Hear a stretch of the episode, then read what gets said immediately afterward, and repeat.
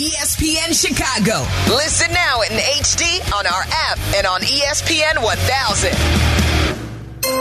With the 10th pick in the 2023 NFL Draft, the Chicago Bears select Darnell Wright, offensive tackle, Tennessee. Y'all ready for this? With the 53rd pick of the 2023 draft, Chicago Bears select Gervon Dexter Sr., Florida Gators D tackle. The Jacksonville Jaguars have traded the 56th pick to Chicago Bears. With the 56th pick in 2023 draft, Chicago Bears select Tyrique Stevenson, DB, University of Miami. Oh, there you go. It's only it's only fitting that Devin Hester would have to return. With the 64th pick in the 2023 NFL Draft, the Chicago Bears select Zacch Pickens, defensive tackle, South Carolina.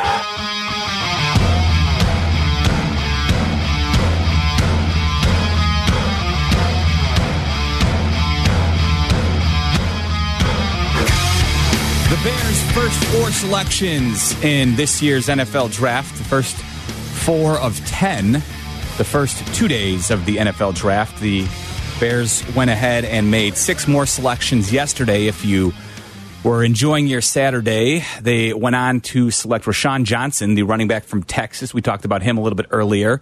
Tyler Scott, wide receiver in Cincinnati, who lots of people had a second day grade on him. A lot of people thought he might go as high as the second round. He's a little bit smaller, but a burner for sure. They also selected Noah Sewell, the inside linebacker from Oregon. They also took Terell Smith, another cornerback from the University of Minnesota. They added a defensive tackle, another defensive tackle, a third in this draft, Travis Bell out of Kennesaw State. And then they concluded with Kendall Williamson, the safety out of Stanford. I'm Jeff Meller, along with Brian Hanley, taking your calls here on ESPN 1000 and the ESPN Chicago app. Um, Bry, I will say, I do like the fact that Ryan Poles seems to have a type, and that is elite level athletes. That is something that if you look at all the the RAS scores, the the SPARQ scores, the the uh, you know all the stuff that they run them through in the combine. A lot of their early picks were guys who really excelled and are considered elite level athletes. So you know, especially when we're talking about Gervon Dexter Sr. and Zacch Pickens as defensive tackles, who people may not be as familiar with them. They are guys who maybe didn't have as much production in college, but uh, there may be quite a bit uh, where Matt Eberflus can get his hands on a mold and shape them, and actually you might have some high impact defensive tackle players here.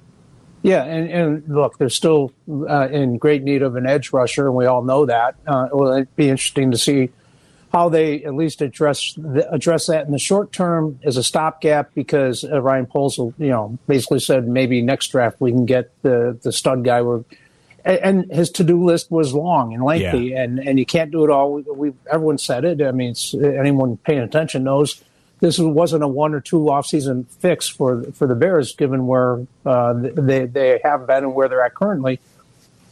But I'm with you. I mean, if you're going to get linemen, get six five, six six linemen who who are athletic and, and not out of shape. And maybe that's the Jalen Carter answer in a nutshell right there. He, he just didn't. He couldn't even show up in shape for a workout, right? After given all his off the field issues. Um, but six foot. If you're, you're looking for a corner, that yep. works for me. Tyrique Stevenson, uh, almost six one. He's 198 pounds, long arms. Um, he's the kid from Miami. Uh, you know who Devin Hester he announced. He, he, played at Georgia too for a couple years, yes, right? Yes. So yeah, he did. So you know, um, yeah, they have a type. They want the elite physical athletes, at least in the early rounds. So I, I like that. And again, Tyler Scott is another wide receiver who he was, you know, if you saw the draft, he actually was hoping he would be selected by the Bears. Now, I do think, you know, he's obviously the height and the weight. He's 5'9, almost 5'10, 177 pounds, but he is an absolute burner.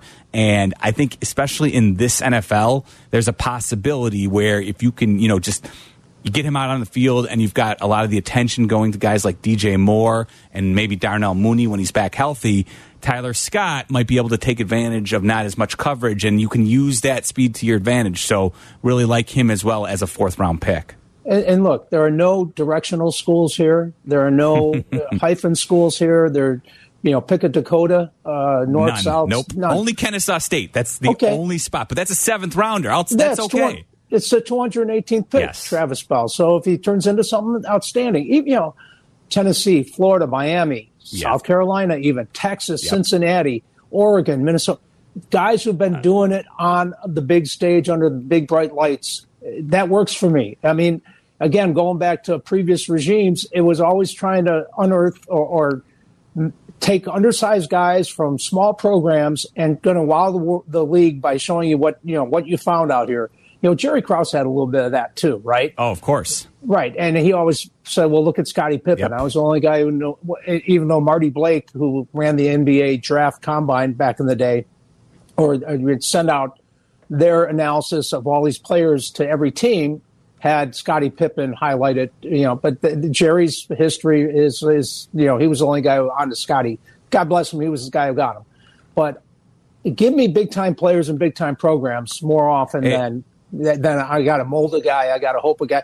You know, there are no growth spurts for a lot of these other guys we've seen run through Halas Hall and Sol- Soldier Field for the last fifteen years. No doubt about it. And one more point I'll add before we take calls here: um, not just elite level athletes when you look at you know some of the measurables that they put up at the draft combine, but uh, I think each of his first four selections were all five star recruits by most most scouting services, and I do think as scouting has gotten better and better, and football just in general acro- across you know as kids are you know in high school and there's more and more spec- specialization more and more seven on seven camps and everything out there where these guys are playing lots and lots of football i do think it is becoming a little bit easier to identify truly really elite level players. And so when you you're, you've got five star recruits who you're also drafting. I do think there's something to that, and I think uh, Ryan Poles clearly showed us that he is enamored with that as well. Let's see. Hopefully, it will work out for the Bears. Let's try Matt, who's in Streamwood, wants to ask about the edge question that you were just referencing. Bry, Matt, you're on with Meller and Hanley. What's up, bud? Hi guys, thanks for taking my phone call. Appreciate it. May I ask you, uh, Hanley, what do you? Is it something that you think that they're going to address through like the post June one cuts or like training camp casualties, like the veterans, or is it something that he's going to like monitor with the Washington situation with the Montez Sweat and the Chase Young if Washington comes down from those first two round picks that they want for Chase Young? And secondly, is that why are they just is it the, the are they just going to start with like the defensive backs and the cornerbacks, and then work, and then the linebackers, and eventually next year start working on the defensive ends? Because I've never seen them; they're working their way out. And then they start doing the linebackers, and now it's like going to the defensive ends. That like the last part of Eberflus' equation to have the defensive ends that he wants. I think they put a premium on the interior of the uh, defensive line, and that's why you saw the you know versatility that word applied to two or three of their picks, right? Um, I saw look, and to your point, you still have what 36, 37 million in, in cap space. So if the Jets have some cap casualties to continue to fit Aaron Rodgers' money in, into their uh, salary scheme, I saw Leonard Floyd is still out. I mean, do you want Leonard Floyd back here? You're not getting an impact player. You're not getting a difference maker. You're not getting your edge rusher of the future. This from now till Correct. the start of camp, right? Correct. You're just you're getting a guy or a veteran who's serviceable to plug a hole right now, but you're not doing the heavy lifting on edge rushing until next year. I think the key is, and I think if anybody was honest with themselves, you know, the Bears had too many holes to fill in one offseason realistically, right? Like, it just wasn't going to happen all at once, at least not if you weren't going to really break the bank. Now, we can, you know, discuss, and I do want to mention, he mentions Montez Sweat and, uh, and Chase Young. Chase Young is interesting. The Bears, there's no chance in hell they should be trading for Chase Young, who's been dealing with knee injuries the last two seasons. No. However, he's intriguing as somebody who the commanders did not pick up his fifth year option on. He's intriguing in somebody who, if you roll over that cap space and he actually shows he's healthy next season and he hits the market, you know what? He could be a guy who you're interested in next year to fix that problem. But this year,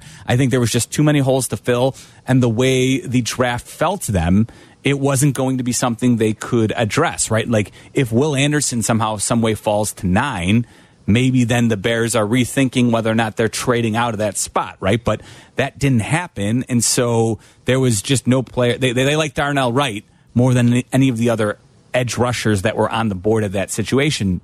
And then what happens is once you start getting past, you know, the first round and you start looking for edge rushers, you're going to be looking at guys who have some type of deficiency that you're going to have to account for, right? And so there, just the way it was, the Bears were not going to be able to do it. My question though is, we know that the Bears were in on Mike McGlinchey. Everybody reported that they went to a certain number, but the Broncos just beat how much the Bears were willing to go to.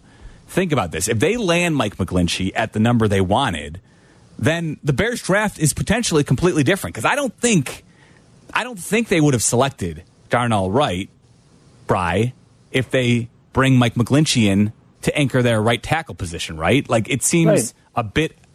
It seems a, like I'm. They're going to tell us they love him and blah blah blah. You don't always let who's on your roster affect the best. You know the best player overall, but I'm. I have a uh, you know a sneaking suspicion that that would not have been the case, and so I just wonder. You didn't want to go to that number. You were flush with cash in free agency. You didn't want to go past a certain number because that's it, right? Like Ryan Poles has said, he sticks to his value, but clearly you had you were willing to go to a certain point and you didn't want to break the bank. Fine, I get it. But what I'll say is you let that hole remain, and then you allow it to go ahead and dictate in the draft who you take, right? The same thing with Dre'Mont Jones, who was a defensive tackle who we heard they were interested in, but again, the Seattle Seahawks outbid the Bears. So there's a couple guys who the Bears were in on that was widely reported um, are t- players who they end up addressing with some high draft picks because they didn't land the guys they were after in free agency. and only time's going to tell, right? I, I'm with you. Would you rather have a guy McGlinchey with an NFL resume versus uh, uh, Darnell Wright, who looks the part, has the enthusiasm, the the build, the athleticism, and the high ceiling, or would you have a guy who's been doing it and that's why he got paid what he got paid in Denver? And then you can move on. You know, you have the proven commodity versus what you believe is going to be a great commodity in Darnell moving forward. But you know, that said, I, to this point, all you can do is laud Ryan Poles for his uh, apparent discipline to whatever he and his staff that they lay out numbers. They, you know, we saw him with Roquan Smith. We, we love the kid. He's in the, his prime. We're not paying him that kind of money because it, it's just we don't believe that that that's warranted. So time tells time will tell what that all looks like. But he doubled down, basically said Chase Claypool that trade's fine and it's going to be fine. We'll the early returns say not so fine, but we'll see. Yeah. So I mean, one thing Ryan Poles has on his side is time. But three or four years from now, you know, Ryan Pace won Executive of the Year one time in 2018 too, true. right? Absolutely. Uh, because of Vic Fangio's 30 uh, defense still taking the ball 36 times, taking away the ball. Uh, you know, and, and Matt Nagy was coach of the year because I, I love Rick Hanna uh, just dropped that in. You know, well, I was executive of the year a few years ago, so maybe I wasn't that smart then. Okay, uh, it, you know, that's ancient history, you know, Rick. But Ryan Poles, I, to this point, they seem to have a plan. They execute plan, whether it's free agency or draft, and it's way too early to tell. I, look, everyone put grades, immediate grades on this draft, and the Bears are right up there in the A category, A minus category. B plus With- for Mel. I'll give you a B yeah, plus for A Mel plus. Kiper. Yeah, and, and A minus for NFL.com. And it, it looks, on paper, it looks like a solid, well thought out, Yes. well executed draft. My- We'll see. And my and I'll say this: my nitpick too is like I'm not saying I would prefer McGlinchey to Darnell Wright. I'm just talking about the process the Bears went through. Sure. Everybody told us All that it- costs you is money. Yes, and here's the thing. They still have plenty of cap room, right, Bryce? So Yeah. it's not just, hey, I'd rather have, because I, I, do think long term you'd rather have Darnell Wright than having McGlinchey for the money that they had. But would I rather have McGlinchey on this roster and someone like Lucas Van Ness or Nolan Smith, the next two rushers who came off, edge rushers who came off the board? That I think is something that you can have a, a legitimate conversation with, and we have to see going forward how Ryan Poles chooses to use this remaining cap room that he has. Let's sneak in Tom, who's in Oak Lawn, disagrees with me. What's going on, Tom? What's up? So, first of all, you know, all this, what if they would have gotten uh, Mike McGlinchey? Would the draft be different? What if this? What if that? Uh, what's the old saying? what if the queen had, uh, you know Yeah. what? Does that make her the king? So we can't be going off of, Well, well, wait, hold what on, if they Tom. would have Tom, done Tom, this Tom, Tom, free Tom. Hold on, buddy. Yeah. You absolutely. Yeah. That, this is the essence of what we do here. There's a lot of what ifs, and I'm I'm actually bringing it to the forefront ahead of time because I I don't want to be someone who says, "Hey, you know what they should have done?" Like, like a year from now, I'm throwing it out there. I'm having a conversation about things that I think are. It's fair to have a conversation. And you, Hey, you've been asking that question Yeah. for months. I and, mean, and Tom, and, and it's not Right. like I don't like Mike McGlinchey that much. Definitely not at that number. I'm going off of all the reports from Dianna Russini and several others who said, and Brad Biggs, who referenced the Bears were in on Mike McGlinchey. So they clearly knew that right tackle was something that they addressed. They were flush with more cash than any other team in, in football heading into free agency. They didn't address it in free agency. And so because they didn't do that, they felt compelled to make Darnell Wright their top pick. That's fine. That's that's the the bed you made. Go ahead and lie in it. But I'm concerned that you still have all this money and there were other guys on the board. And again, I, and I think this gets to your point you wanted to make, Tom. Jalen Carter, I think, is going to be a difference maker, and the Bears served him up on a silver platter to the best team in the NFC. Yes, but also I'm not going to grade the Darnell Wright pick based on uh, whether Jalen Carter becomes like an all-world wrecking cr- breaker or not. I'm going to base the pick on what Darnell Wright does on the field. So if he comes in though and he becomes a you know a multi-Pro Bowler and is your anchor on that right side of the line, then the pick is great. And plus two, this isn't like when the Bears picked Mitch Trubisky and you still had Deshaun Watson and Patrick Mahomes and such on the board and such. Uh, they they don't even play the same position. I I could understand like if on the very next pick they would have drafted that uh, the Kancey kid from Yeah. Pittsburgh who was the next defensive tackle. Yeah, then then uh, then I could see kind of comparing the two picks and such. But they're it's two different positions. It's two different uh, also mindsets because you know the Eagles are trying to do as far as like so- continue to solidify their defensive line, in which they lost guys based of free agency, and the Bears are trying to protect Justin Fields so then they could see whether he can you know improve on the accuracy that he had uh, Yeah. and uh, less interceptions, more touchdowns to see if he's the quarterback of the future and such. So. I I understand people are going to. There are going to be people that are going to look at Jalen Carter and are going to be like, "Well, if he's a game wrecker and such like that, then they whiff. Then they whiffed on the pick, no matter what Darnell Wright does."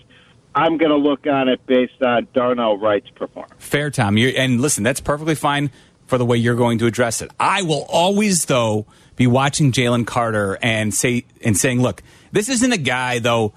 Like, because sometimes I do, I push back when people say, "Hey." Alvin Kamara was drafted in the third round by the Saints. You could with with the pick, one of the picks that the Bears ended up trading away for Mitch Trubisky, famous, famously, right? Like that's how it like it was obviously traded again, but one of those picks that the Bears ended up selecting became Alvin Kamara. I don't look back at that and say, oh, you could have had that guy. But when you're on the clock, right? And the guy who lots of draft experts all agreed was the most talented in the draft is on the board for you. And you deliberately make the decision. We do not want him. And I think it's clear that it's a character issue for them. They didn't want to take the chance. I'm sorry. I have to ask the question. If you're, you're always trying, we're always hearing about, right, building, building uh, the right culture in the organization. If you've selected the right head coaches, and you know, and you have the right people in your building, shouldn't they be able to uh, usher elite level talent and get the best out of it? That's, I mean, I think it's a fair question. Absolutely, it's a fair question, and and it's also fair to to just say uh, have tunnel vision and say Darnell Wright, what are you going to do for the Bears? And ultimately, you need to do something around Justin Fields, whether you did it through free agency or the draft. And again, I still wish that they upgraded uh, left tackle uh, versus maybe getting a, you know, an All Pro Bowl multiple yeah, time. You've been on that with Braxton Jones quite a bit, and, I agree with you. Yeah, I mean, I love Braxton Jones in this story and his is everything about him. I mean, he has certainly done. Uh, uh, he's served himself and the team well, but you could have upgraded that position, and usually you do it, and either by going out and get a premier uh, free agent or doing it with you, you know, the top picking draft when you have to make a decision on your franchise quarterback who you inherited, by the way. So this is the, you know, you have to figure out if you're picking up an option on Justin Fields.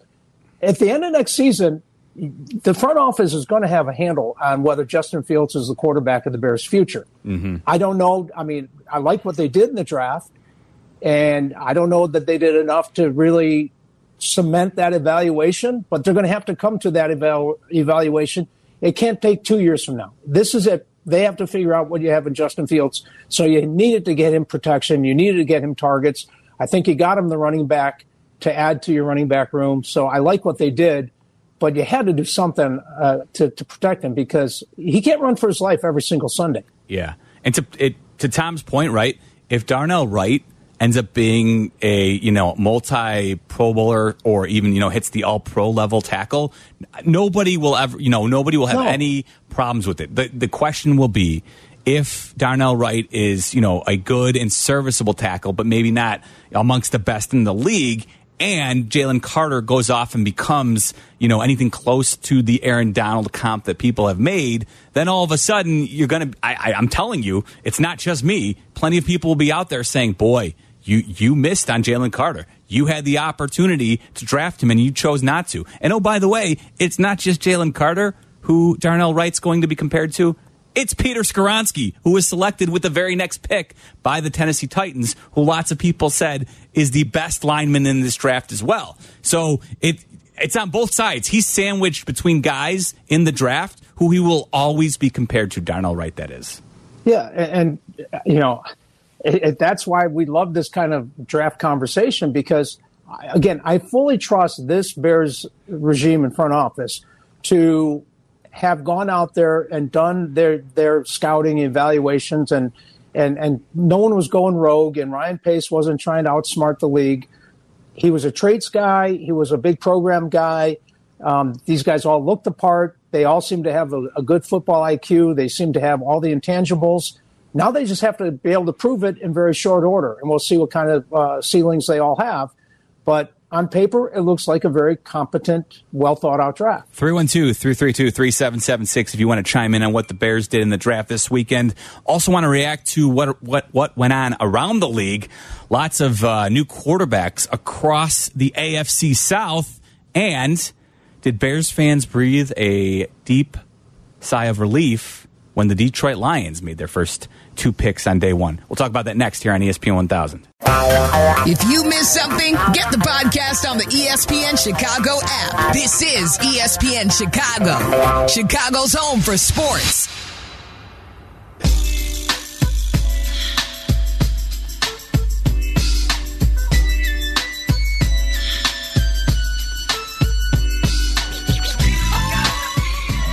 Meller and Hanley with you on Sunday morning here until 11 o'clock. Reacting to the Bears draft, the NFL draft. We ranted about the White Sox earlier in the show. Did not mention the uh, Cubs have an early start today as they're on Peacock, Bry.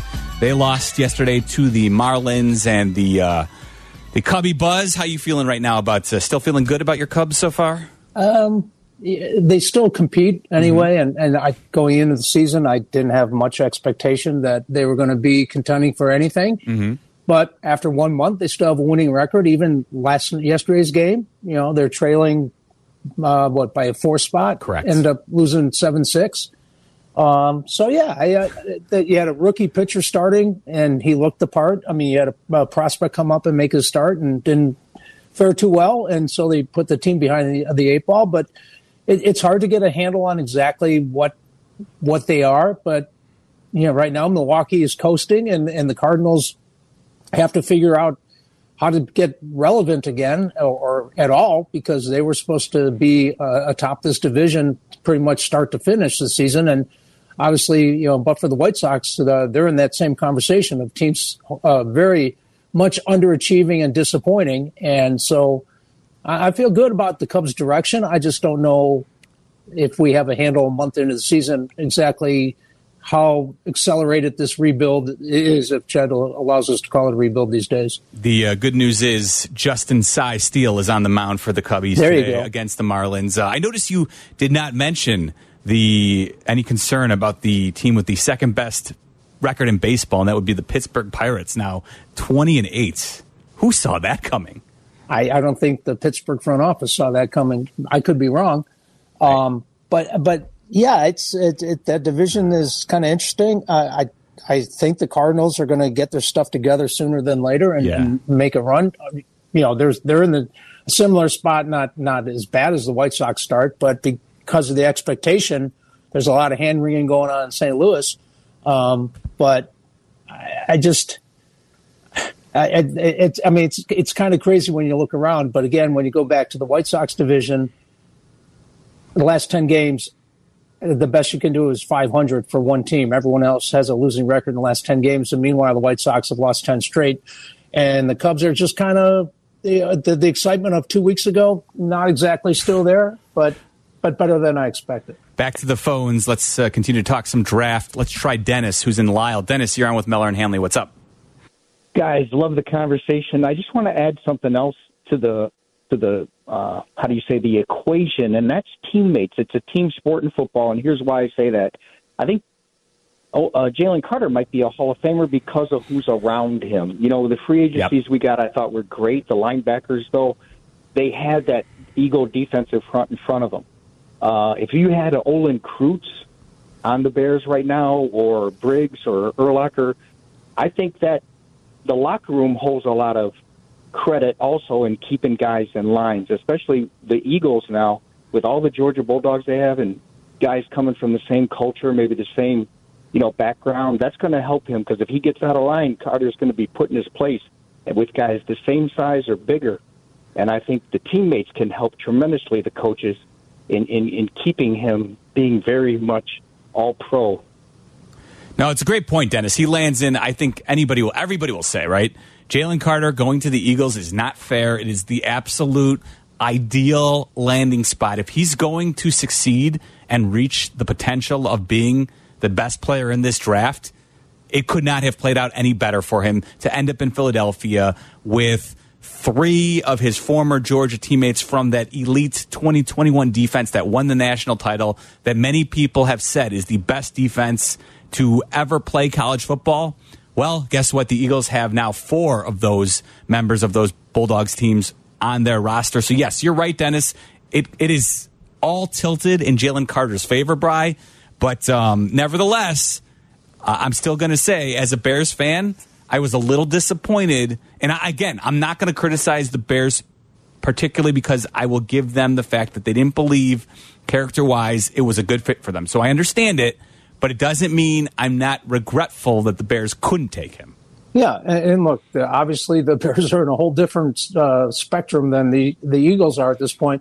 It, it, it'd be interesting to see how the uh, Philadelphia front office debriefed uh, Jalen Carter's former teammates and really asked them for their honest assessment and if they all swore that this this guy's worth the, the the risk. I mean, we're talking about quote unquote risk when a couple months ago uh, he was going to be supposedly taken before any of the quarterbacks came off the board, right? Yep. And, and that's what you're just arguing value. And was this going to be the dream scenario for the Bears, trading out of the first pick, getting down to number nine, and still having J- Jalen Carter available? And you go grab him because he was going to be the premier player in this draft. But obviously, they had major reservations about him. And and as everything you just said, it, his former teammates might be there to keep him, uh, keep Jalen Carter on, on on point, or maybe they told him, "Look, once the, the guy the guy's the real deal, and and we we will swear on a stack of Bibles that if you make this pick, it's going to work out for us."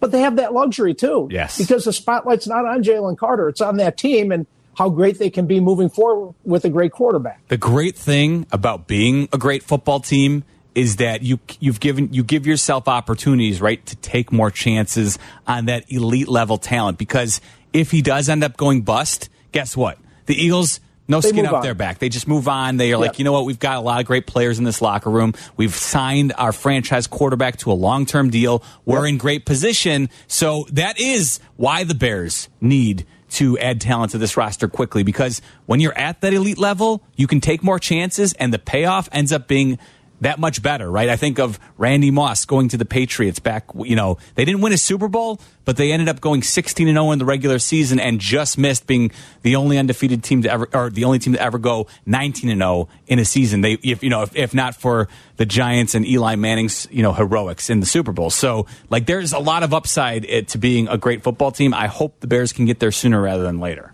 And if you're the Bears who over decades have swung and missed, and first of all, haven't had much winning to show for any of it, but swung and missed time and again in the in the first round and, and in the top ten with the Kevin Whites and the Leonard Floyds and the Mitch Trubisky's.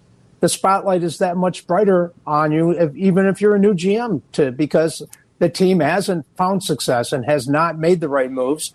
So you don't you haven't had that luxury since 1985 to to make mistakes and not have anyone worry about it. Let's go out to Montgomery. Say hello to Hafiz. Hafiz, you're on with Meller and Hanley. What's up, man?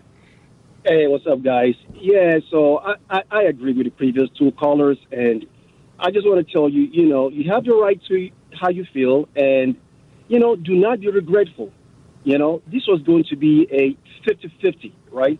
It was going to be a very, very risky pick. If we choose him, right? And then all of a sudden, you know, he busts out. The whole city will want Ryan Poles out of town, you know? Yep. Because the whole talk would be, you know, something about, well, you had all his medical records, you knew about him taking plays off here and there. And listen, I am not a football expert, right? So I'm just a regular fan. And I heard all the hoopla about Jalen Carter all year long. So I just decided to watch a couple of his games. And the two games that I watched, I'm like, really? you know, what is all the noise about? You Yeah. know, I didn't see him perform at all in those games. And when I told my friend, he said, yeah, that's kind of the knock on him. You Yep. know, sometimes he takes plays off. So if you're like that and all the personal character issue comes about too as well, then do we expect Ryan Poles to pick him at number nine? No. It's a risky move, you know? Yep. Um, so, you know, once again, the whole pick should be right around Darnell Wright. Is he going to perform or not? And let's just leave it at that. We got to trust in what Ryan Poles does. He has all the information, and let's just, man, let's just roll with that, man. So do not be regretful. It was going to be a very, very risky pick, man. And let me give you one more analogy. And it, it, it, you uh, know, you know, it's kind of out there. But if somebody gave you a cup of water, they say this is a, you know, a fountain of youth. But there's a slight chance that if you drink this water, man, something bad can happen to you. Are you going to drink that water? You're not. You know, you're not. It It's depen- 50 50 proposition. So do not be regretful, my friend. All right. Have a wonderful weekend. Appreciate it. Thanks for uh, trying to uh, be my, my my draft therapist there, Hafiz. Um, I, am not going to lie. I, I already see, though, the Eagles, uh, Philadelphia Bulldogs running rampant over the NFC for the next few years, Brian. And I'm very scared of, you know, the Georgia Eagles haunting me and Bears fans for a long time to come here. If I'm in the Mojave Desert and I haven't had a cup of water in a long time and someone offers me that water, I'll probably take a drink. Hmm. And, you know, the, the, the Bears have been in that desert for a long time. So it's, it's good conversation and it's a good debate because you can be on either side of it. And at, as we sit here today talking about it, no one knows the answer. But it, it's just, it, you had seemingly you had the dream scenario and God bless you and your staff decided it wasn't really that much of a dream scenario and maybe wasn't a very difficult decision. And we just have to sit here and, and wait to see how it all plays out because right now I trust Ryan Poles. He's he really hasn't given me any reason not to. Uh, Chase Claypool trade uh, notwithstanding, he hasn't made any horrific moves. He he's made some really interesting moves like getting rid of Roquan and not paying him, but so far we're going to find out what kind of GM he actually is when the results start to come in. That's the voice of Brian Hanley. I'm Jeff Meller. We're here till 11 o'clock. Let's laugh at Detroit. We'll do that next. This is Chicago's home for sports. ESPN Chicago. Listen now in HD on our app and on ESPN 1000.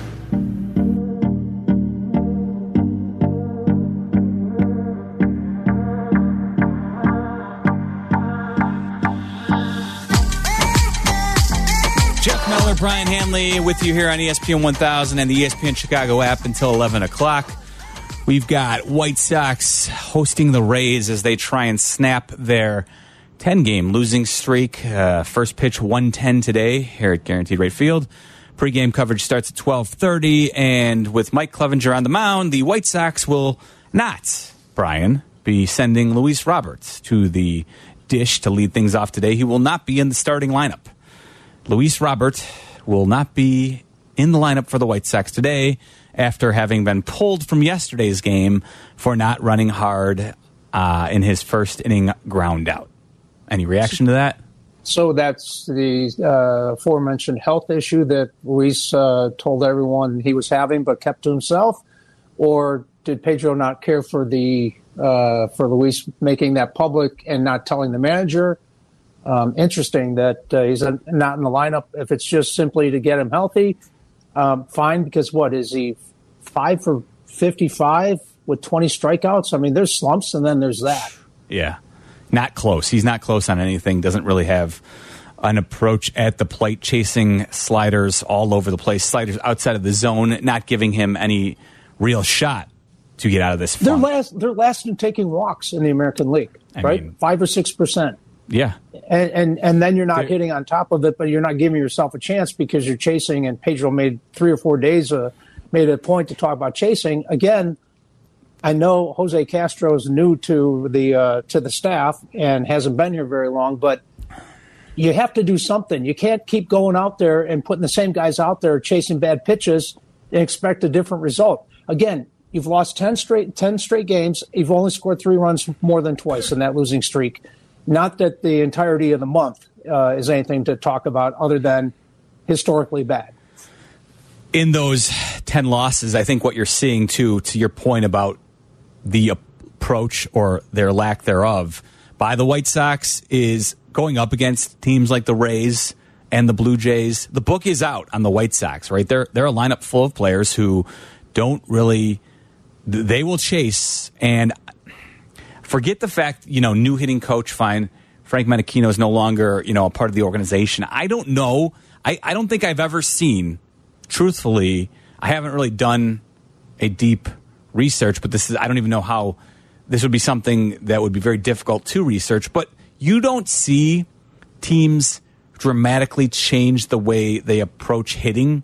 You know, especially you know you might see a hitter here and there become a little bit more disciplined, but the reality is by the time you get to the major leagues, and once I, I guarantee you, once the season's already begun, can you point to any tangible? points in history when teams all of a sudden go from you know striking out all over the place, not taking pitches to, to changing dramatically. I, it just doesn't happen, right? No. The, the hitters, you're the type of hitter you are. Like this needs to be an organizational approach that starts with the type of players you draft and that is reinforced throughout the organization. Once they get to the major leagues, for the most part, you're dealing with you know almost finished products, especially the way they approach things at the plate. Like I like I'm sorry, but uh, yes, Luis Robert can be a little bit more selective. He can try and occasionally spit on those sliders that are outside the zone. But I think for the most part, he's a guy who's a free swinger at the plate. And I don't think yeah. he's all of a sudden going to become Frank Thomas. No, and, and, it's a great point. And I remember when Theo first arrived here, before he was, you know, had a picture of uh, the Sun Times front page or back page where he's walking on water because he did the impossible. But when he talked about uh, the Cubs way that they were going to instill at every level of the organization. And it's not new. Any good organization does that. To your point, they have coaching staffs that are instructed on what the front office wants them to emphasize. And the front office goes ahead and tries to put uh, players, uh, you know, get those players that they believe uh, would execute said plan. And so every level they take up the ladder till they show up at uh, the the big ballpark they've been it's been seamless. They've been instilled with the same message. It's been pounded into their head. It's been executed. It's been practiced. This roster is flawed, and I don't know that there is a Sox way because everyone laughed at Theo when he talked about the Cubs way because Cubs way for 100 years was losing. Um, they weren't laughing in 2016 because he actually executed a plan. The White Sox have been rudderless for decades now, and they better they better better figure it out and most people believe that they don't have the brain trust to figure it out, or it's time to try a different brain trust and see if they can actually change the direction. Yeah, it, but again, that's the thing, though. You know, when Rick Hahn comes out and meets the media on Thursday before the homestand begins, I think the unfortunate thing is he's out there and he can say whatever he wants. The, the hard reality, though, is that what we're seeing is I don't know if there's any solutions coming during this season, right? There needs to be, to your point, when you we started the show, something a change needs to be made, if nothing, to send a message. But even even a trade of uh, you know a key piece to kind of just shake things up inside the clubhouse, I don't think all of a sudden the White Sox are going to get back to being you know even a 500 ball club. I mean, w- when you're no seven and 21, I mean, good luck to you. Like 2.2 percent chance to win the division. Um, but you know, you, you said it. It's just the the numbers are the numbers. To get to 85 wins, that that a week ago brought that to the table. I was astounded that it's that bleak this early, and now it's even worse a week later because you haven't won a game and you can't score runs and you can't run the bases and you can't. The, the bullpen's awful and the starting rotation is shaky on most days. And you lose that game the way you lost it last night after Lance Lynn's dealing for six innings. You have to change something. You can't keep saying, well, we understand. We're frustrated too. Uh, Kenny Williams, I'm not in a good spot. You don't want to be talking to me. But meanwhile, I'm going to try, you know, keep trotting the same tired show out there, and we've seen it last year and even the All Star to the All Star break the the season previous. You know, we're going on three seasons here. This isn't a, a snapshot. This is who they are, and nothing's really changed other than the manager. And you didn't do a whole lot in the off season, and now you're just sitting there saying, "Well, we're not going to panic." When the entire when all the statistics say you should be panicking because you've you're already dug a hole and you're you're climbing it. All right, enough angst, Bry. Let's uh let's laugh. Thank you. Let's laugh at the the Detroit Lions, Bry, because thankfully, thankfully, the Detroit Lions, who I, I'm not gonna, I'm not gonna sugarcoat it. I was, I was, I was scared that the Lions were finally going to become a team that was going to be a nuisance for the Bears with what they've done. Um, but they had two first round picks, and what they chose to do with them made me so happy on Thursday night because with the they had the sixth pick. They ended up trading out of the sixth pick with the Arizona Cardinals, who had traded for the they had traded back to the 12th pick. They had traded away their third pick to the Houston Texans so that the Texans could go up and get Will Anderson, pair him with CJ Stroud. But the Texans, I'm sorry, the Cardinals wanted to come back up, and the Lions decided that once I think uh, once Witherspoon was off the board, once the Seahawks selected the local kid from Illinois to play cornerback, I think the Detroit Lions were like, okay, well, he was our guy. We'll trade back, and then the Lions spry decided with the 12th overall pick to take Jahmyr Gibbs, a running back, and I have to say, at that moment, I did breathe a deep sigh of relief because the Lions had already spent money on David Montgomery, money that I didn't think was a, a wise investment. No. But but now you've added a key draft piece, your first round pick, one of your first round picks. You're selecting a running back, which we've talked about ad nauseum about how that's not necessarily a great use of resources, but you've already spent money on David Montgomery as well. And then then with their second first round pick, they choose a linebacker, Jack Campbell, who lots of people said is really not even a three down running uh, three down linebacker. So they take their two first round picks, which could have been very key pieces, I think, and I think they flubbed them. The, the, the, the players might be okay, but they used them on the positions that are probably two of the easiest positions to fill throughout the draft. Thank you, And- Lions. And then at, at pick 34, how do you take anyone from Iowa's offense? Seriously. well, you know, that's that's if if anything, it, it, the one thing Iowa does is tight ends well. I'll say that. Okay, uh, whatever. I Yeah. mean, It's a good point, though. I mean, seriously, after only reason Kirk Ferentz is you know got is, is he's you know his son's running the the only reason he's got a job. He's you know dad's running the show. I mean, I don't can you you so there's three oh for three in my world, right? It's no, it's it's a great. And then uh, and then they selected a 25 year old quarterback, um, Hendon Hooker. So in the third round, we'll see how it works out. But I do think the Bears got quite lucky that the Lions. I don't think even if even if Gibbs ends up here. Here, I said this on Friday. Jahmyr Gibbs, the only way for this to work out for the Lions, he almost has to be Barry Sanders. And the truth is, Bry, even if he is Barry Sanders, in this NFL where you don't use running backs like you once did, it still may not be worth it. And, and and your concern, my and I shared it was the division. The North has finally opened Is Aaron Rodgers is gone, and, and Mm-hmm. we'll see what Jordan Love's all about. But there there is now a window, a door to go through, and Dan Campbell has that team playing hard, and and Goff even looks like he's serviceable uh, in the short term, and it has been. So you thought, wow, if they actually start putting some pieces together here, the division isn't all that, and they could go ahead and, and start making some noise and be a playoff team on a, a regular basis. And then this draft comes along, and they do what Lions do, and this is why they've had, you know, very few cities that Chicago can laugh at for lack of uh, football acumen, uh, but Detroit is certainly there for Bears fans to point and say, hey, at least we're not Detroit. Huge Sunday in sports, huge Sunday night in sports. I'll tell you why next. Follow Chicago's Home for Sports on Instagram at ESPN underscore Chicago. This is Chicago's Home for Sports, ESPN Chicago. Hey, you ready? Yeah? What is that, sign language? Seven. Oh, yes. Seven is right. We've got three game sevens today, starting in the NBA, NBA playoffs, where the Golden State Warriors, the defending champs, the Golden State Warriors, will try and move into the second round as they go to Sacramento and try and win that series. The Sacramento Kings, the young plucky Kings, host a game seven bry.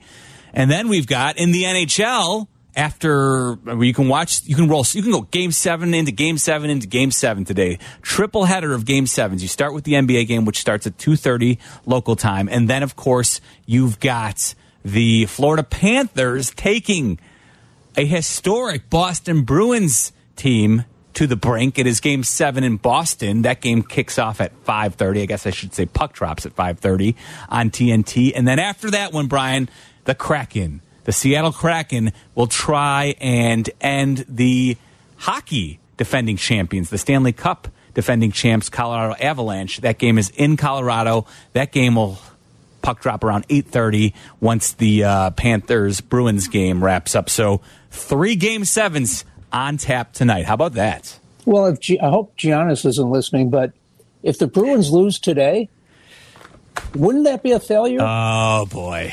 I, w- I mean, because the Bruins were supposed to uh, Yeah. just the, what's the version of uh, hockey cakewalk? Uh, you skate through, you just get to the Stanley Cup Finals and you know plan the parade route because they were going to be untouchable. And we all know how difficult the first round can be in the NHL. But if they, if you know, if they find a way today, fine. Maybe they they're laughing and, and they get their stuff together and they do look like the unbeatable Bruins team everyone had going through the playoffs. But believe me, that's a failure. If- yeah. No, you're right about that, especially considering they were up 3 1 in the series. Now, yeah. the Panthers had evened it up 1 1, and I thought, okay, um, the Bru- I thought the Bruins got back uh, to their mojo because they went up 3 to 1. They had won two games in Florida.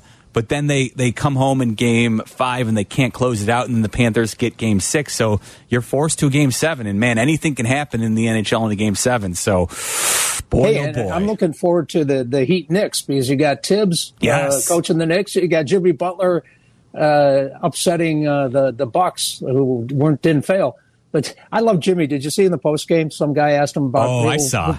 when you play on Saturday, and he's like, "We're playing Sunday, right? We're playing Sunday." He Yes. goes, "Yeah." Oh, yeah. My mistake. He said, "Do your job." Yes. Like Thibs would be tell better. you. Be Do better. your job. Be Do better. Be better at your job. No, it's uh, yeah. That uh, that actually got lost. I think a little bit because that was the same night as the Giannis failure Yeah. discussion. But you're right. Uh, the reporter was a bit of a failure on his part. And Jimmy's Jimmy. still parroting what Thibs told him: "Do Eh? your job." No, it, it's a, it's a great point. As that that that that game actually uh, starts tips off an hour from now. The Miami Heat start game one in New York against the Knicks. So Jimmy Butler up against Jalen Brunson, the local kid, and Tom Thibodeau. So uh, that's an interesting second round series in the Eastern Conference, and of course you've got uh, the 76ers and the Boston Celtics in the other uh, side of the bracket in the East. So interesting uh, because a lot of people think that both the Sixers and Celtics are the best teams remaining in the East, or at least the highest seeds. But uh, you've got the Heat and Knicks who are going to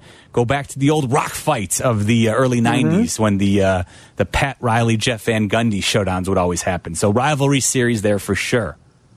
It's going to be fun. About- and eventually the Bulls will get there. How about eventually? You think? Uh, do you think Golden State's advances? They're on the road where they have obviously had their difficulties this season, but uh, the Sacramento Kings have done everything they can to try and show uh, everybody that they are not the uh, young team that can't show up in the playoffs here. I think Golden State finds a way, at least for today. Okay, so uh, Bry's got the Golden State Warriors winning. I agree with you. I think they will advance as well, but it'll, it'll be interesting seeing how that one plays out. And of course, uh, the winner of that series advances to take on the Los Angeles Lakers. So good stuff all around. Again, game sevens galore, and of course, with the uh, Cubs starting in a few minutes from now on Peacock, and then the White Sox. Bry, I don't know. Clevinger, Rasmussen, discuss. Time to win a game, boys. It is not uh, setting up well for the White Sox, but boy, oh boy, I hope they can end this this uh, this losing streak because it has been dreadful.